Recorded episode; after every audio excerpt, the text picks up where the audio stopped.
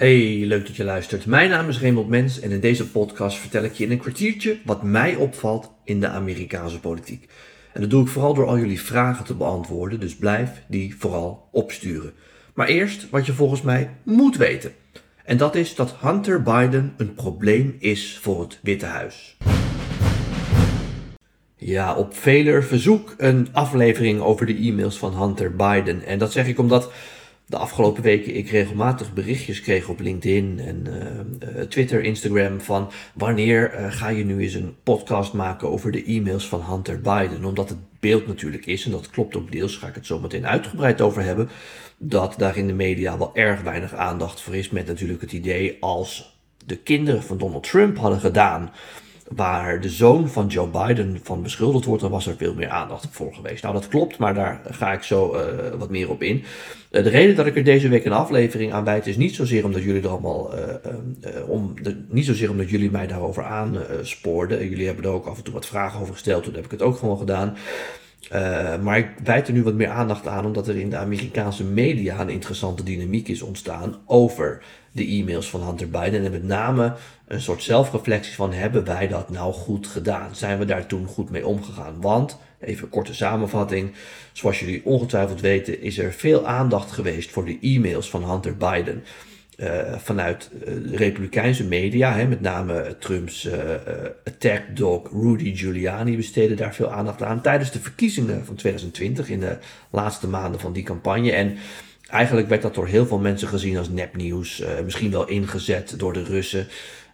Rudy Giuliani die kwam met een laptop, die zou dan van Hunter Biden zijn. Daar stond dan weer op dat hij allerlei uh, miljoenen had verdiend in China onder andere. En nou ja, dat was dus één groot uh, nepnieuws, één grote leugen. En dat zou nogmaals misschien zelfs wel uit de Russische koker komen. Het werd in ieder geval niet op waarde geschat.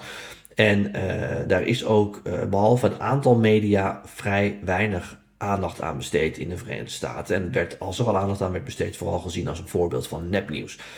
Nou, inmiddels is dat volledig gedraaid, want inmiddels is duidelijk dat die laptop wel degelijk uh, afkomstig was van Hunter Biden. Dat Rudy Giuliani daar niet over loog.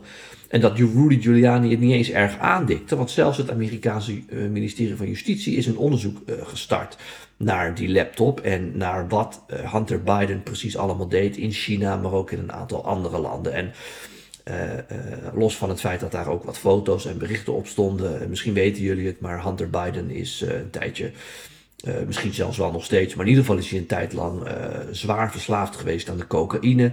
Heeft ook meerdere affaires gehad. En er zijn ook naaktfoto's bijvoorbeeld van hem opgedoken. Die zouden ook van die laptop komen. Maar het belangrijke nieuws was dat hij geld had verdiend in China. En daarvoor was al bekend dat hij in de Raad van Commissarissen had gezeten bij een Oekraïns gasbedrijf. Terwijl daar zijn expertise op geen enkel uh, punt uh, ligt. Dus eigenlijk is de belangrijkste beschuldiging richting Hunter Biden, dat was toen zo, dat is nu nog steeds zo. Heeft hij in het buitenland geld verdiend door de naam van zijn vader te verkopen? Met andere woorden, uh, zijn er bedrijven geweest in Oekraïne, China, misschien wel andere landen, die Hunter Biden in hun raad van bestuur hebben gezet, raad van commissarissen of eh, op de loonlijst hebben gezet, elders omdat hij Biden van zijn achternaam uh, heet en een direct lijntje heeft met de president. Vanuit die bedrijven natuurlijk heel logisch, maar vanuit Hunter Biden niet slim. Uh, dat is belangrijk en uh, je ziet nu ook dat in de Amerikaanse media toch wel een beetje ehm, het idee nu ontstaat van ja, hadden wij hier niet meer op moeten duiken, want we hebben het eigenlijk een beetje doodgespeeld tijdens die verkiezingen. Ik kijk zelf altijd naar Morning Joe, is een van mijn favoriete uh, programma's. Ze zijn soms uh, wat beter op dreef dan de anders, maar de laatste weken vind ik ze weer fijn om naar te kijken. En dan uh, kijk ik dat iedere dag even. En daar was van de week een interessante discussie. Daar was een meneer die altijd juridische zaken in de gaten houdt. En die gaf een update over deze zaak. En die vertelde eigenlijk hoe dat in die tijd ging. Dus hoe zij op de hoogte werden gebracht en ook andere media op de hoogte werden gebracht van die laptop. En waarom in zijn ogen er toen niet of nauwelijks aandacht aan is besteed. En uh, luister even naar zijn uitleg, want ik denk dat het interessant is. What do you make of the first of all the coverage and sort of the, the timeline of this and where the right or the left went wrong. Yeah, so I think that there were mistakes on both parts, mm-hmm. right? Um, uh, let's start with the laptop because that's the thing, you know, the laptop, the laptop. Yeah. All right. So, so Rudy Giuliani takes this information, and even Fox News says this isn't good enough for us. We're not going to go with it. People forget about that. That Rudy Giuliani actually went to Fox News and they said, "We can't verify this. We can't." And, and, and why is that? Because it, they were just he was just giving them essentially, um, you know, the emails, a drive, but without any sort of sense of where it came from or any ability to verify it. Mm-hmm. Then he brings it to the New York Post and they go with it. Okay. Now it turns out that it seems that at least a lot of what was on that laptop is true. And here's where the problem is from the left leaning media perspective, which is why didn't they make any effort to try to verify it? In particular, the moment that Hunter Biden admits that he's under federal investigation, so now we're in December of 2020, it's really just in the last month or so that the mainstream or the left leaning media have begun to, to say, yeah, well, you know, what was on the laptop, a lot of it really seems to be true. The question is, why did it take so long? When it comes to something as significant, I would argue, as not just the president's son in potential trouble, but the possibility that the president's son, at the least, sorry, uh, you know, at the time, used the vice president's name, his the former vice president's name to do business in China, potentially elsewhere. Those are legitimate questions, I think, that the media didn't ask. Ja, dit is Dan Abrams van NBC News en daar heeft hij natuurlijk ook gelijk in. Dat zijn logische vragen die toen niet uh, beantwoord werden. En Um, uh, ja, daar kunnen we nu om lachen. Hè. Ik, ik moet er ook wel een beetje om lachen, omdat ja, ze proberen nu de hand in eigen boezem te steken. Maar het is natuurlijk wel vrij schandalig uh, wat er is gebeurd. Het was een belangrijk onderwerp. Uh, en eigenlijk is het belangrijkste wat hier speelt dat ja, Rudy Giuliani kwam een beetje met een raar verhaal. Ik heb een computer gevonden ergens die, in, die, die in een soort uh, ja, reparatiewinkeltje lag. En die heeft Hunter Biden daar achtergelaten. En kijk eens wat ik allemaal gevonden heb. Dat is natuurlijk ook een raar verhaal. Tegelijkertijd, als dit uh, de kinderen van Donald Trump zou betreffen, ik denk zelfs als dit een uh, computer van Hillary Clinton zou betreffen, want daar is natuurlijk ook regelmatig een heksjacht over gevoerd, dan had daar veel meer aandacht voor geweest. Maar omdat het nu de zoon van Joe Biden was, is er toch door die media veelal gezegd nou ja, daar kunnen we wel in gaan duiken, maar uh, we denken eerder dat het nepnieuws is. Zonde van onze tijd. Nou, dat is geweest, kunnen we nu van alles over vinden, maar dat is geweest. Uh, we kunnen die verkiezingen en die verkiezingscampagne niet overdoen. Wat interessant is, denk ik, is hoe je daar dan nu mee omgaat. En je ziet eigenlijk dat de Amerikaanse media hun lesje niet echt geleerd hebben, omdat.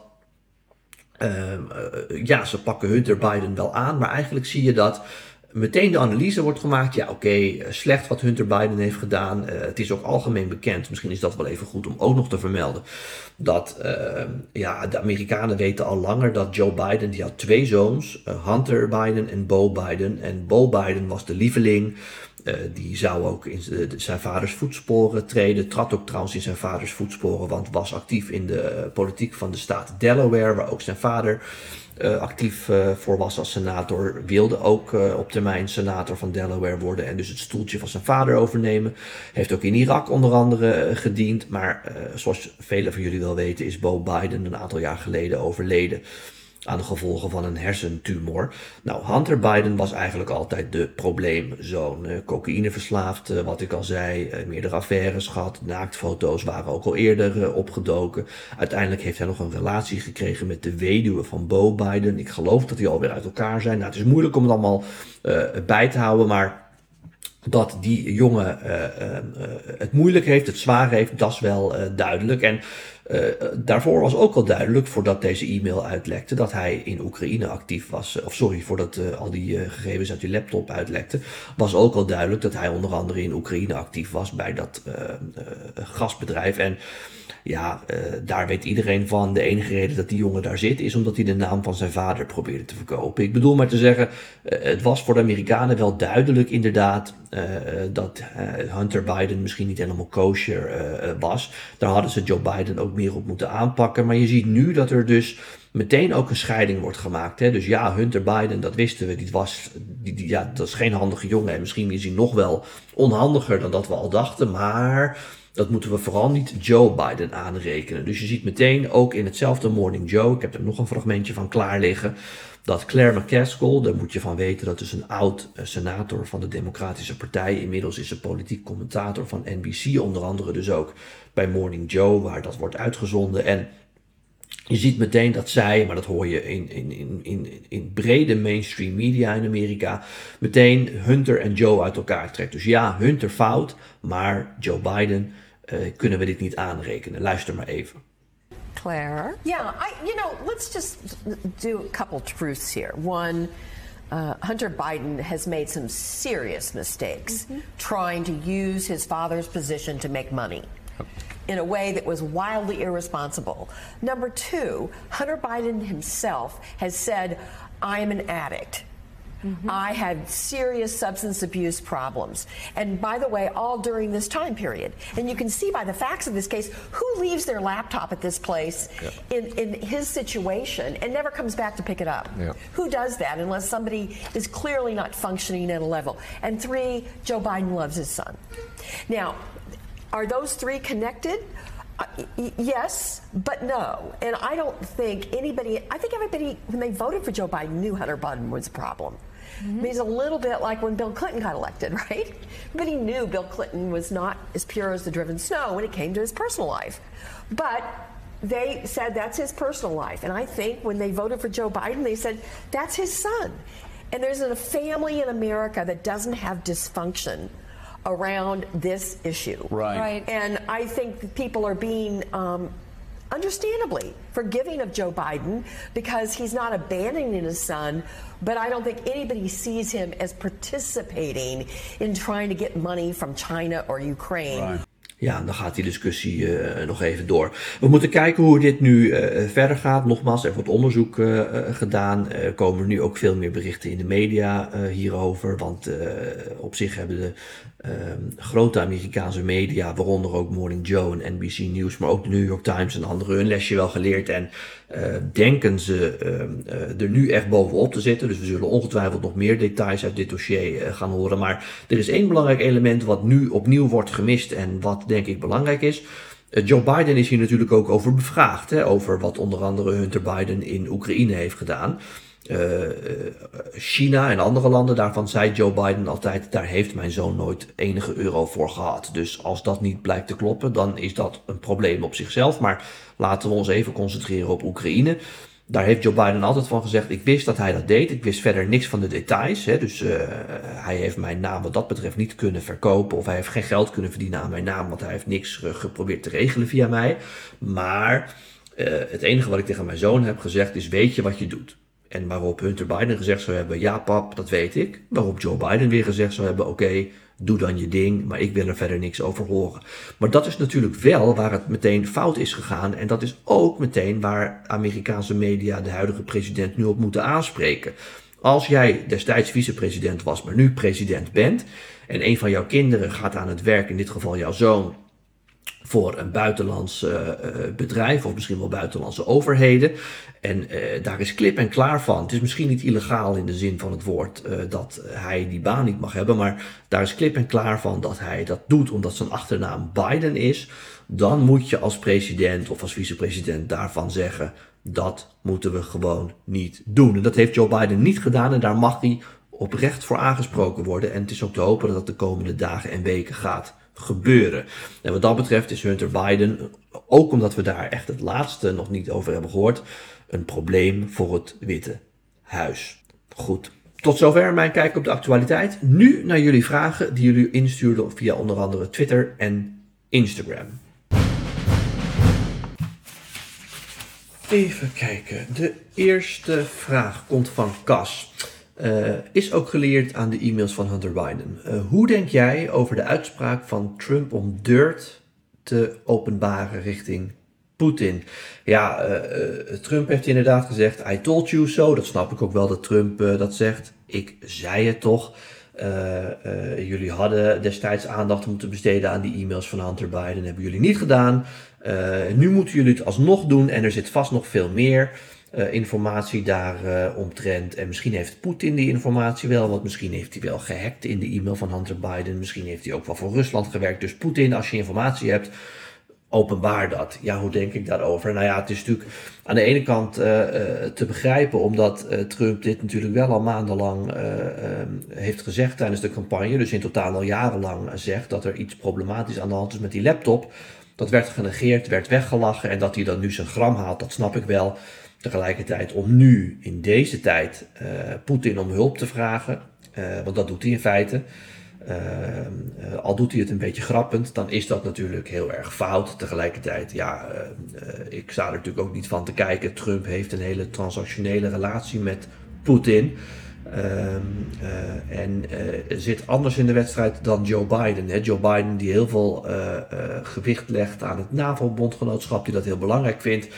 Ja, Trump vond het eigenlijk helemaal niet belangrijk, tenzij Europa eindelijk ging betalen voor de NAVO. Maar dat ja, is nog steeds niet het geval bij heel veel uh, NAVO-lidstaten. Dus uh, dat Trump uh, nog steeds denkt goed met Poetin op te kunnen schieten, ja, dat geloof ik allemaal wel. Dan Cas. Oh, nou, Cas heeft dat namelijk twee vragen. Die had ook nog de vraag: Heeft Biden de mogelijkheid om zijn populariteit enigszins te herstellen door de situatie in Oekraïne? De das omgedaan door zijn omstreden uitspraak over Poetin. Dat was die uitspraak van uh, this man should not remain in power. En ook het feit dat hij een oorlogsmisdadiger is. Ja, uh, ik denk het eerlijk gezegd niet, uh, Cas, omdat Biden nu eigenlijk daarover zegt, ik zei het jullie toch. Hè? Dus waar Trump ook zei, I told you so, zegt Biden in dit geval, I told you so. naar aanleiding van de vreselijke beelden in Bucha onder andere. Dus uh, Biden zegt, ik zeg waar het op staat. En ja, dat heb ik uh, in de podcast van de vorige keer ook behandeld. Wat dat betreft lijkt Biden ook wel een beetje op Donald Trump. Beide zijn soms goud eerlijk en kiezers waarderen dat.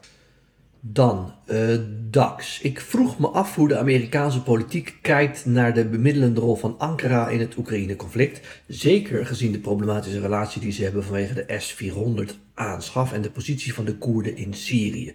Heeft het Witte Huis vertrouwen in die rol die Erdogan op zich neemt en hoe verloopt de informatievoorziening tussen beide NAVO-bondgenoten? Ja, dat is natuurlijk lastig te zeggen, Dax, omdat ik niet inzicht heb in alle informatie stromen. En um, wat we wel weten is dat de informatiestromen tussen de westerse partners en met name de NAVO-bondgenoten natuurlijk erg strak geregeld is nu. En een van de redenen uh, uh, dat ze zo goed op één lijn zitten is omdat in vertrouwen alles goed besproken wordt tussen die landen. Maar uh, twee dingen in zijn algemeenheid kan ik wel zeggen dat vanuit het Witte Huis er wel degelijk respect is voor zowel Erdogan, maar ook de Israëliërs, dat ze proberen te bemiddelen. Juist ook omdat zowel Israël als Turkije uh, veroordelen wat er in Oekraïne gebeurt. Maar ze proberen ook Poetin te vriend te houden en met hem het gesprek aan te blijven gaan. En dat uh, wordt gewaardeerd omdat ze dus A, het conflict wel veroordelen. En B, omdat de Amerikanen ook weten, en dat weet Oekraïne natuurlijk ook, dat hoe lang deze oorlog ook duurt. En het laatste nieuws is, dat zei ik van de week ook bij uh, half acht bij Johnny de Mol, dat is dat de Amerikanen denken dat dit uh, nog wel eens heel erg lang kan uh, gaan duren, misschien wel jarenlang. Maar als dit conflict een keer eindigt, dan eindigt dat diplomatiek. Dan moet er een diplomatieke oplossing worden gevonden. Dus ja, dan is het sowieso goed dat die landen met elkaar praten en ook dat Turkije een rol pakt om te onderhandelen. En ik weet dat er erg lacherig wordt gedaan over die onderhandelingen soms. Hè? Hoe serieus zijn de Russen? Maar ieder gesprek is beter dan geen gesprek. En uiteindelijk worden die gesprekken vanzelf een keer serieuzer en moet er een deal komen, want alleen zo kan dit conflict tot een einde komen. En ja, wat betreft die informatievoorziening, die lijkt goed, want het Witte Huis coördineert dit ook met uh, de Turken, al wordt daar natuurlijk niet openlijk over gecommuniceerd. Maaike vraagt: Is er iets veranderd in de peilingen voor de tussentijdse congresverkiezingen door de oorlog in Oekraïne? Nou, Maaike, uh, niet echt. Uh, Biden staat er gewoon slecht voor. Hè. Dan kom ik ook nog even terug op die vraag van uh, Cas. Heeft hij nou zijn populariteit, populariteit enigszins kunnen herstellen? Want ja, Biden stond er slecht voor. In de peilingen ongeveer 40% van de Amerikanen die tevreden zijn over zijn werkzaamheden. Nou, dat betekent dat 60% ontevreden is. Zo ongeveer. Uh, ja, het is er niet veel beter op geworden, omdat zijn rol wel gewaardeerd wordt als uh, manager van het NAVO-bondgenootschap en uh, het feit dat alle, met name Europese rijen, gesloten blijven. Dat wordt wel gewaardeerd. Tegelijkertijd is er ook kritiek op zijn aanpak van de Russen. Hè? Hij zou te voorspelbaar zijn, hij zou soms ook te slap zijn. krijgt respect hè, bijvoorbeeld door het instellen van die zware economische sancties. Tegelijkertijd is wel degelijk de kritiek, ja, zijn die sancties wel zwaar genoeg? krijgt terecht lof voor het op één lijn houden van alle Europese partners. Tegelijkertijd is de kritiek, eh, maak je af en toe niet een uitglijder, hè? zoals die uitspraak dat er misschien regime change zou moeten komen in Rusland. En ja, het belangrijkste uh, is natuurlijk in de Amerikaanse politiek nog steeds de economie. En ook de Amerikanen betalen flink veel meer in de Walmart en alle andere supermarkten. En ze betalen ook veel meer aan de pomp. En dat noemt Biden wel de Putin price hike, maar ja, uh, mooi en aardig allemaal, maar hij is president en hij is verantwoordelijk voor de economie onder hem. En dat gaat op het ogenblik niet zo lekker met die enorme inflatie. Dus daar, daar, daar ja, dat, dat heeft gewoon enorm veel invloed op zijn populariteit. En breed is nog steeds het idee dat hij toch wel een beetje oud en krakkemikkig overkomt. Uh, het presidentschap is vooral een rol. Hè. Dat zei Reagan altijd mooi. Eigenlijk was het presidentschap de mooiste rol die hij ooit gehad had. Jullie weten, Reagan was ooit acteur, onder andere in westernfilms en commercials. En zei Reagan er altijd bij, de reden waarom ik het presidentschap zo'n mooie rol vond, is omdat ik zelf het script mocht schrijven. Um, dan, uh, Tom, ik zag je bij half acht, ben je Will Smith tegengekomen. Ja, ik had een ontstoken oog, uh, Tom. En ik moet op deze manier ook even een flink compliment maken aan de redactrice, of de redactrice, sorry, de visagie bij half acht. Omdat ik daar aankwam en ik was net die dag bij de dokter geweest. Ik liep er al een week mee.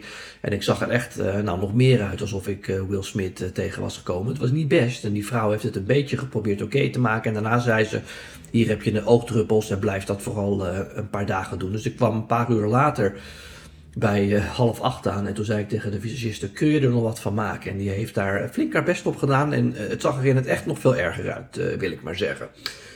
Goed, uh, tot zover. Het kwartier zit er alweer op. Dank. Volgende week weer een nieuwe aflevering in je overzicht. En zoals iedere week ook nu weer de vraag: heb je een vraag? Stuur die dan ook op. Hè? Dat kan via Twitter, Instagram of LinkedIn. En als je dat doet, dan beantwoord ik jouw vraag weer in de podcast van volgende week. Tot zover. Tot dan.